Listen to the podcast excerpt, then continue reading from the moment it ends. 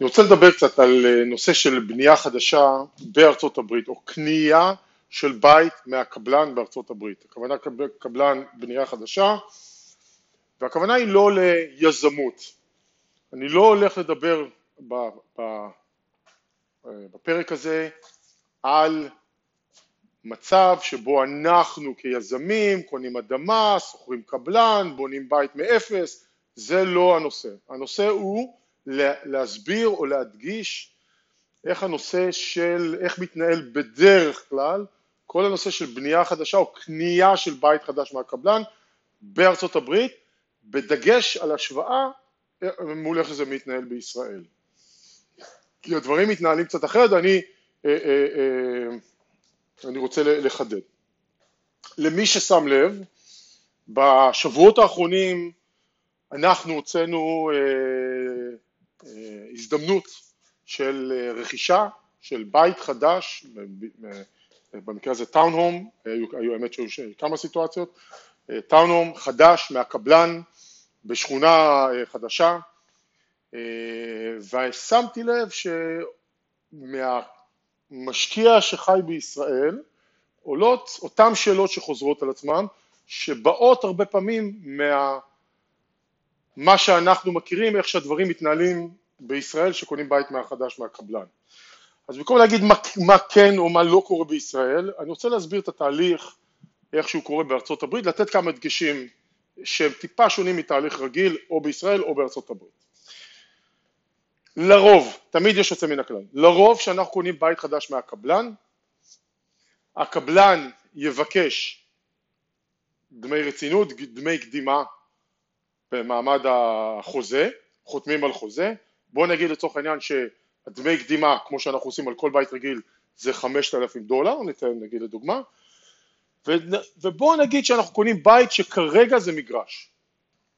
והקבלן הולך עכשיו ברגע שחתמנו חוזה להתחיל את הבנייה, נכון? יש אפשרות שאנחנו קונים כבר בית שהוא אוטוטו סיימו אותו או שהוא חצי הדרך, חצי מוכן, כמובן יש את כל השלבים ובוא נגיד שזה ייקח חצי שנה.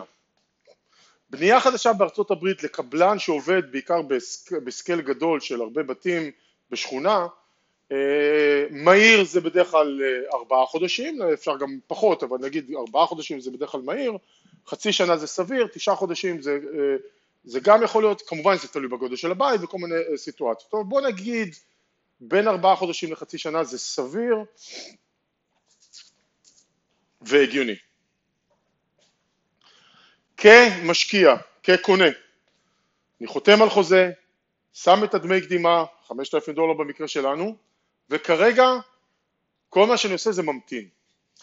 אין לי שום תשלומים נוספים בדרך שאני צריך להעביר לקבלן לפי איזה שהם פעימות או שלבים. אני אומר לרוב, תמיד יש יוצא מן הכלל.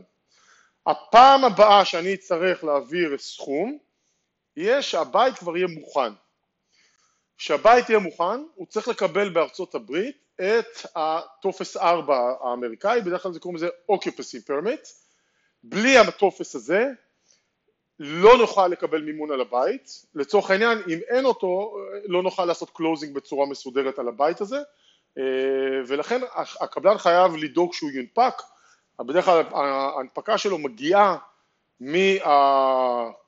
אישורי העירייה או המחוז שנותנים שהכל נעשה כמו שצריך, אה, העירייה או המחוז אה, דוגמים את הבית לפי התקדמות ומאשרים את ההתקדמות לפי, לפי שלבים או מבקשים לתקן משהו ו, אה, ואז חוזרים ומאשרים את זה.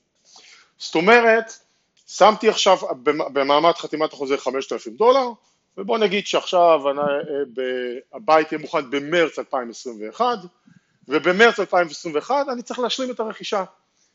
מה זה אומר? אם אני קונה במזומן, מזומן, להביא את שאר הכסף, פחות הדמי קדימה. אם זה עם מימון, להביא את ההון העצמי פלוס את המשכנתה, פחות הדמי קדימה, כמובן שיש הוצאות סגירה ואחרות. לכן אנחנו כקונים אה, לא צריכים להיערך לעוד פעימות או תשלומים שיש לנו, אני אומר, אני מדגיש, קונה במובן הפשוט של המילה, לא יזם שעושה עכשיו פרויקט בעצמו, והבית יהיה מוכן, אה, הבית יהיה מוכן אה, אה, בעוד חצי שנה ונוכל לעשות את, להשלים את הרכישה. בלי האישור הזה של טופס אכלוס אי אפשר להשלים את הרכישה, אי אפשר לסגור, אי אפשר לקבל מימון, ככה שזה מה שמכתיב לנו את, ה, את הסיטואציה. כמה דגשים שאני רוצה לציין שאני רואה שלא תמיד משקיעים מודעים אליהם כשעובדים עם קבלן, עם קבלנים. ואני עושה אה, אה, הפרדה, קבלן זה יכול להיות מישהו שהוא בונה בית פה, בית שם, והוא מה שנקרא קבלן קטן, והאופן התנהלות של קבלן קטן היא בדרך כלל יותר דומה למוכר רגיל, ויש קבלנים גדולים שבונים שכונה, הרבה פעמים בארצות הברית נכנסים, מי שראה או לא ראה, קבלן קונה שטח, אה, קונה מגרש גדול של הרבה דונמים, מחלק את זה לשלבים, שלב ראשון הוא 30 בתים, והוא מתחיל לבנות 30 בתים ומתחיל למכור. הם מתחילים למכור עוד לפני שבכלל פתחו את השכונה לבנייה, עוד כשהם הכל על הנייר כבר אז מתחילים למכור, מיד אחרי שחילקו, ברגע שחולקו אה, עשו אה, חלוקה למגרשים. זה הנקודה שמתחילים למכור, בדרך כלל כשקבלן בונה שכונה כזאת הוא אה, או שם כזה קרון מכירות בכניסה לאתר או ישר הולך ובונה את הבית הראשון או סדרה של שניים שלושה בתים ראשונים ומשתמש בהם כבית לדוגמה, מודל הום באנגלית, שהצוות המכירות יושב באחד הבתים האלו והקונים יכולים להגיע ולהסתכל על הבתים, איך הם יראו, ובדרך כלל הבתים האלו הם מאוד סקסיים, כי הם יש להם את כל ההוהה, את כל המנורות היפות, התוספות, התקרה המוגבעת, המטבח היוקרתי, שמה הקבלן רוצה לעשות מה שנקרא את האפסל, שאנחנו ניכנס ונתלהב ונגיד המודל הבסיסי עולה 175 אבל עם המטבח הזה זה כבר 185 ועם החלונות האלה זה כבר 195 וככה וככה וככה ואנחנו כבר ב-235 זה השיטה האמריקאית אולי גם הישראלית. עכשיו בואו בוא, צריך להבין כמה דגשים שדי בולטים בעבודה או ברכישה של, של נכס ישר מהקבלן. אחד הרבה פעמים הקבלנים אומרים אני רוצה דמי קדימה או דמי רצינות non-refundable. כלומר זה לא הולך לאיזה חשבון נאמנות או אסקרו לא תמיד זה קורה אבל אני רואה את זה הרבה וזה non-refundable. בתור מי שעושה הרבה טרנזקציות אני לא מאוד אוהב את הקונסטלציה הזאתי אבל הרבה פעמים אני רואה אותה עם קבלנים והרבה פעמים אני רואה שבכלל אין פה, הם לא מוכנים, הם לא מוכנים להתגמש. קבלנים הרבה פעמים אומרים על הרבה דברים או חלק מה, מהתנאים של העסקה take it or leave it, זהו זה. מתאים מתאים, לא מתאים לא מתאים, הם לא, הם לא, יש דברים שהם לא מוכנים להתפשר, זה אחד מהם שהרבה פעמים לא מוכנים להתפשר. אז צריך להבין האם זה נכון לכל אחד ואחת לעשות את זה עם, עם זה שהכסף הולך לקבלן והוא non-refundable. אה, כמובן שאם אפשר שהוא ילך לחשבון אסקרו נאמנות אז זה סיפור אחר לגמרי וזה הרבה יותר אטרקטיבי. דבר נוסף שאני רואה הרבה דווקא מהמשקיעים הישראלים בישראל, אומרים טוב הוא רוצה 200 בואו נציע לו 185. אני אומר עוד פעם, קבלן קטן שבונה בית אחד פה אחד שם שהוא מפוזר כזה זה סיפור אחד יכול להיות שהוא יסכים, יכול להיות שהוא לא יסכים ל-185. הקבלן שבונה שכונה הוא לא יתפשר על המחיר. אולי נצליח להוציא ממנו עוד כמה דברים שהוא מוכן לזרוק בחינם או בעלות אה, נמוכה, נגיד אה, בעבר ראיתי לדוגמה שבאנו לקבלן ואמרנו אנחנו נקנה לך שבעה בתים בשכונה אבל בגלל שאנחנו כוח קנייה וקבוצה, אנחנו, יש לנו בקש, כמה בקשות המחיר הוא, אין, אין, אין, אה, תכף אני אסביר למה, הוא לא מוכנים להתפשר, אין בכלל מה לדבר, אבל תשמע, שים לנו תריסים ורטיקליים בכל הבית, על חשבונך.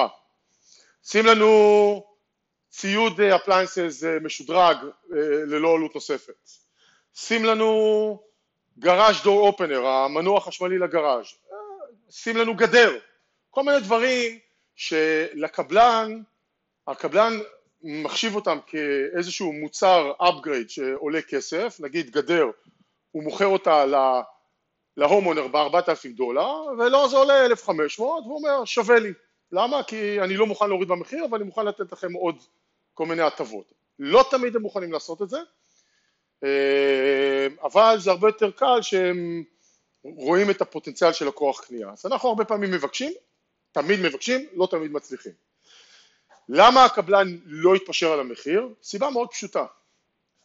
הקבלן מוכר בתים בשכונה, את הבתים שלו. אם בא לקוח, קונה, קונה בית אחד שהוא מוכר, הקבלן מציע אותו ב-200 וקונה אותו ב-180, אפילו ב-185, השמאי שיבוא בעוד חודש, חודשיים לעשות שמאות על בית אחר בשכונה, יגיד רגע, רגע, רגע, איך אתה רוצה שניתן לך שמאות לפי 200 שיש פה בית שנמכר ב-185? לא, אני לא יכול, כי השמאי עושה שמאות לפי מה שהטרנזקציות שנעשו באזור. לכן הקבלן לא מוכן להתפשר על המחיר, הוא אומר אם אני עושה את זה אני יורה לעצמי ברגל. השמאות שתבוא עוד חודש עוד חודשיים, תיקח בחשבון שאני מוכר בתים ב-200, לא קרה שום דבר מיוחד בשוק שמצדיק 200, אולי כן אבל בהנחה שלא, ויש לי פה בית או שניים שמכרתי ב-185 וזה דפק אותי. בגלל זה הם לא מוכנים אפילו לשקול את זה, אני רואה לא, לפעמים אנשים שלא מבינים מה, מה הבעיה, מה, למה הוא לא עושה, זה הסיבה.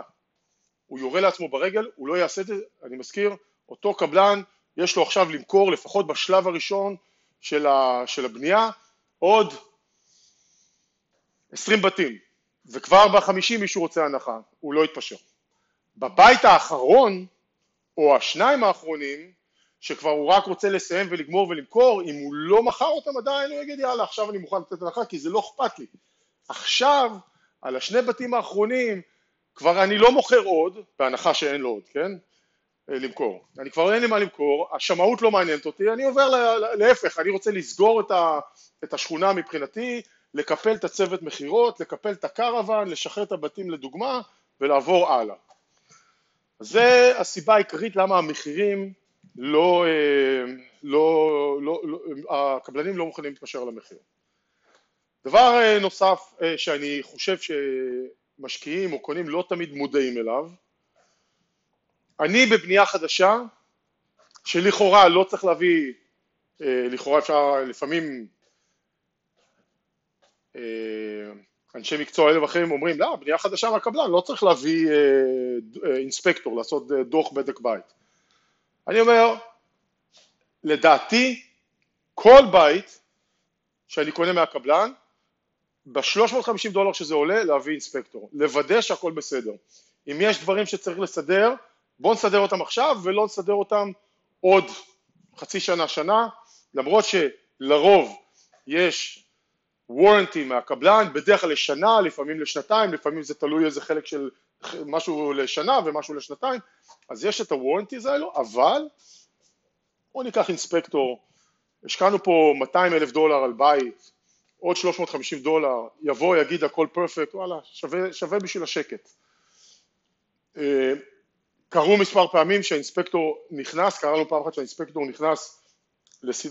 לארבעה בתים שקנינו מהקבלן והיו המון בעיות, המון בעיות, הבעיות לא היו בעיות במובן של אה, בעיות בנייה אלא פשוט הדברים לא היו גמורים. הקבלן בעצם, אפילו הקבלן התקשר אליי אחרי כמה ימים ואמר לי תקשיב אני מצטער, אני בחור אמריקאי עם מוניטין טוב באזור שלו, כשר, אמר לי, אני יודע שזה הקבוצה שלך, שזה הלקוחות שלך, קודם כל אני רוצה להתנצל, עשיתי טעות, והטעות שעשיתי, לא הייתי צריך לאפשר לכם לעשות את האינספקשן לפני שאני יודע שהבית גמור ומוכן לאינספקשן. משום מה, והוא אומר, אני לא יודע בדיוק למה, בין האיש מכירות ובין איזה, רצנו, רצנו מהר מדי פה.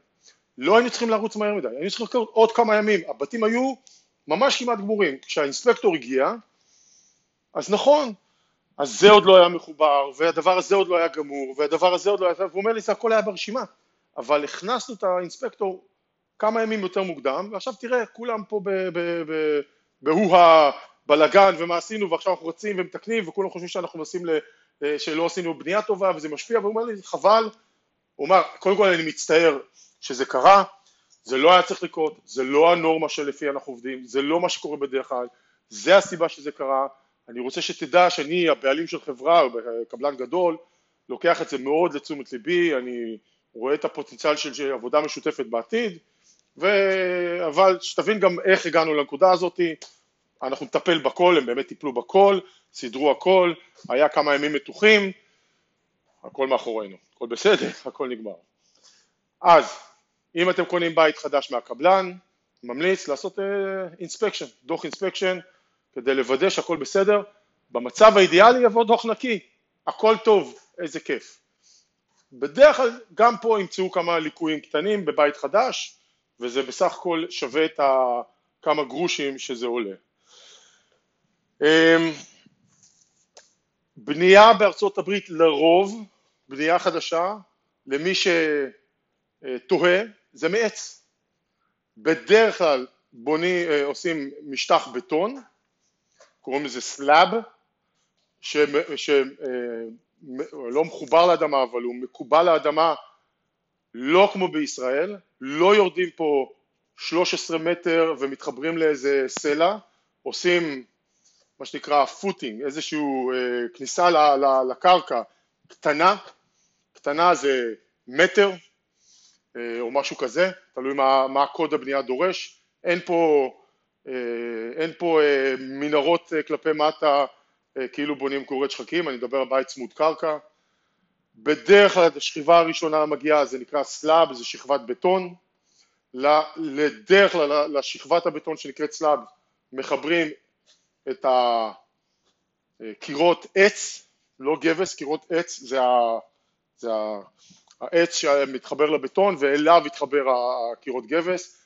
והבית נבנה מעץ, שדריות, שדריות, שדריות, אה, קורות תמיכה, קורות קטנות, קורות גדולות, קורות בינוניות, יש קוד כזה, יש קוד כזה, גם הקומה השנייה, גם הקומה השלישית, הכל נבנה מעץ, אם יש לנו basement, מרתף, בדרך כלל המרתף כולו מבטון, אה, בעבר זה היה אולי לבנים או דברים אחרים, היום מרתפים בונים בדרך כלל כל המרתף מבטון 360 ועליו מתחילים לשים את כל הקורות עץ שהם הבית, הם המחיצות, אה, אליהם דרך הקורות עץ האלו יועברו חוטי חשמל, אה,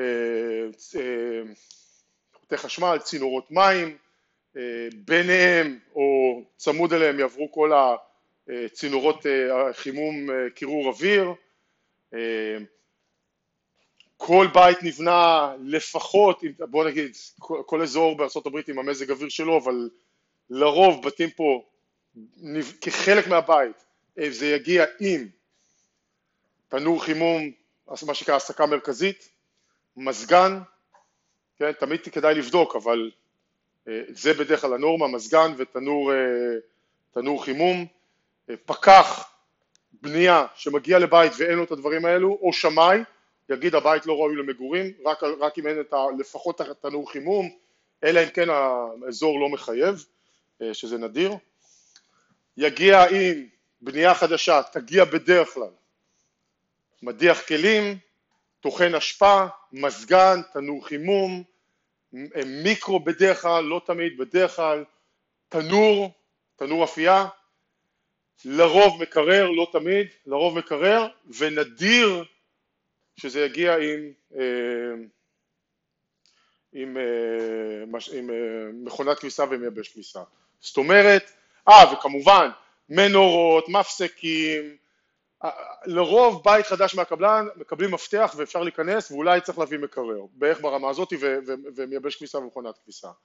נכון שיכולים להיות יוצא מן הכלל, יכול להיות שיש לנו קבלן שלקחנו באופן פרטי ועושה משהו מיוחד וכל המכשירי חשמל זה אנחנו מביאים, אז כמובן שיש יוצא מן הכלל, אבל בדרך כלל הבית, במידה והוא לא מגיע עם נגיד מזגן או תנור חימום, הסקה מרכזית שאני לא, לא, לא מכיר כזה מצב, אני אגיד, הוא צריך להיות מוכן מבחינת תעלות כדי לקבל את זה. סביר להניח שבשום מקום בארצות הברית, עוד פעם לא בדקתי את כל הארצות, פקח בנייה מהמחוז או מהעירייה לא יאשר או לא יאשרו תוכניות או ארכיטקט לא יעשה תוכניות והבנייה לא תאושר אם לא יהיו להם את הדברים האלו, לרוב זה כבר כמובן חלק מה, מהמחיר, אה, אה, גראז' חשמלי, אה, מה שנקרא גראז' דור אופנר, זה משהו שהוא כל מקרה לגופו, יכול להיות עם, יכול להיות בלי, חשוב לוודא אבל צריך להבין אה, פחות, איך, מה מקובל כשעושים אה, אה, קנייה, קנייה מהקבלן. אז לסכם כמה דברים חשובים. אחד, יש כסף, דמי רצינות במעמד חתימת החוזה. הכסף הזה הרבה פעמים מקבלנים בינוניים וגדולים הולך כ-non refundable אה, ישר למוכר שזה הקבלן ולא לחשבון העסק. לא תמיד, אבל בדרך כלל. שתיים, אין בדרך כלל תשלומים נוספים עד שהבית מוכן. התשלום מספר שתיים זה התשלום המלא לשאר הבניין, שאר הבנייה, שאר, להשלים את הרכישה כשזה מוכן ומוכן לאכלוס. מוכן זה כמובן מוכן לאכלוס. שלוש, לא לוותר על אינספקשן, גם על בנייה חדשה וגם אם יש מוניטין מעולה לקבלן, תמיד טוב. כסף קטן לעומת עסקה מאוד גדולה.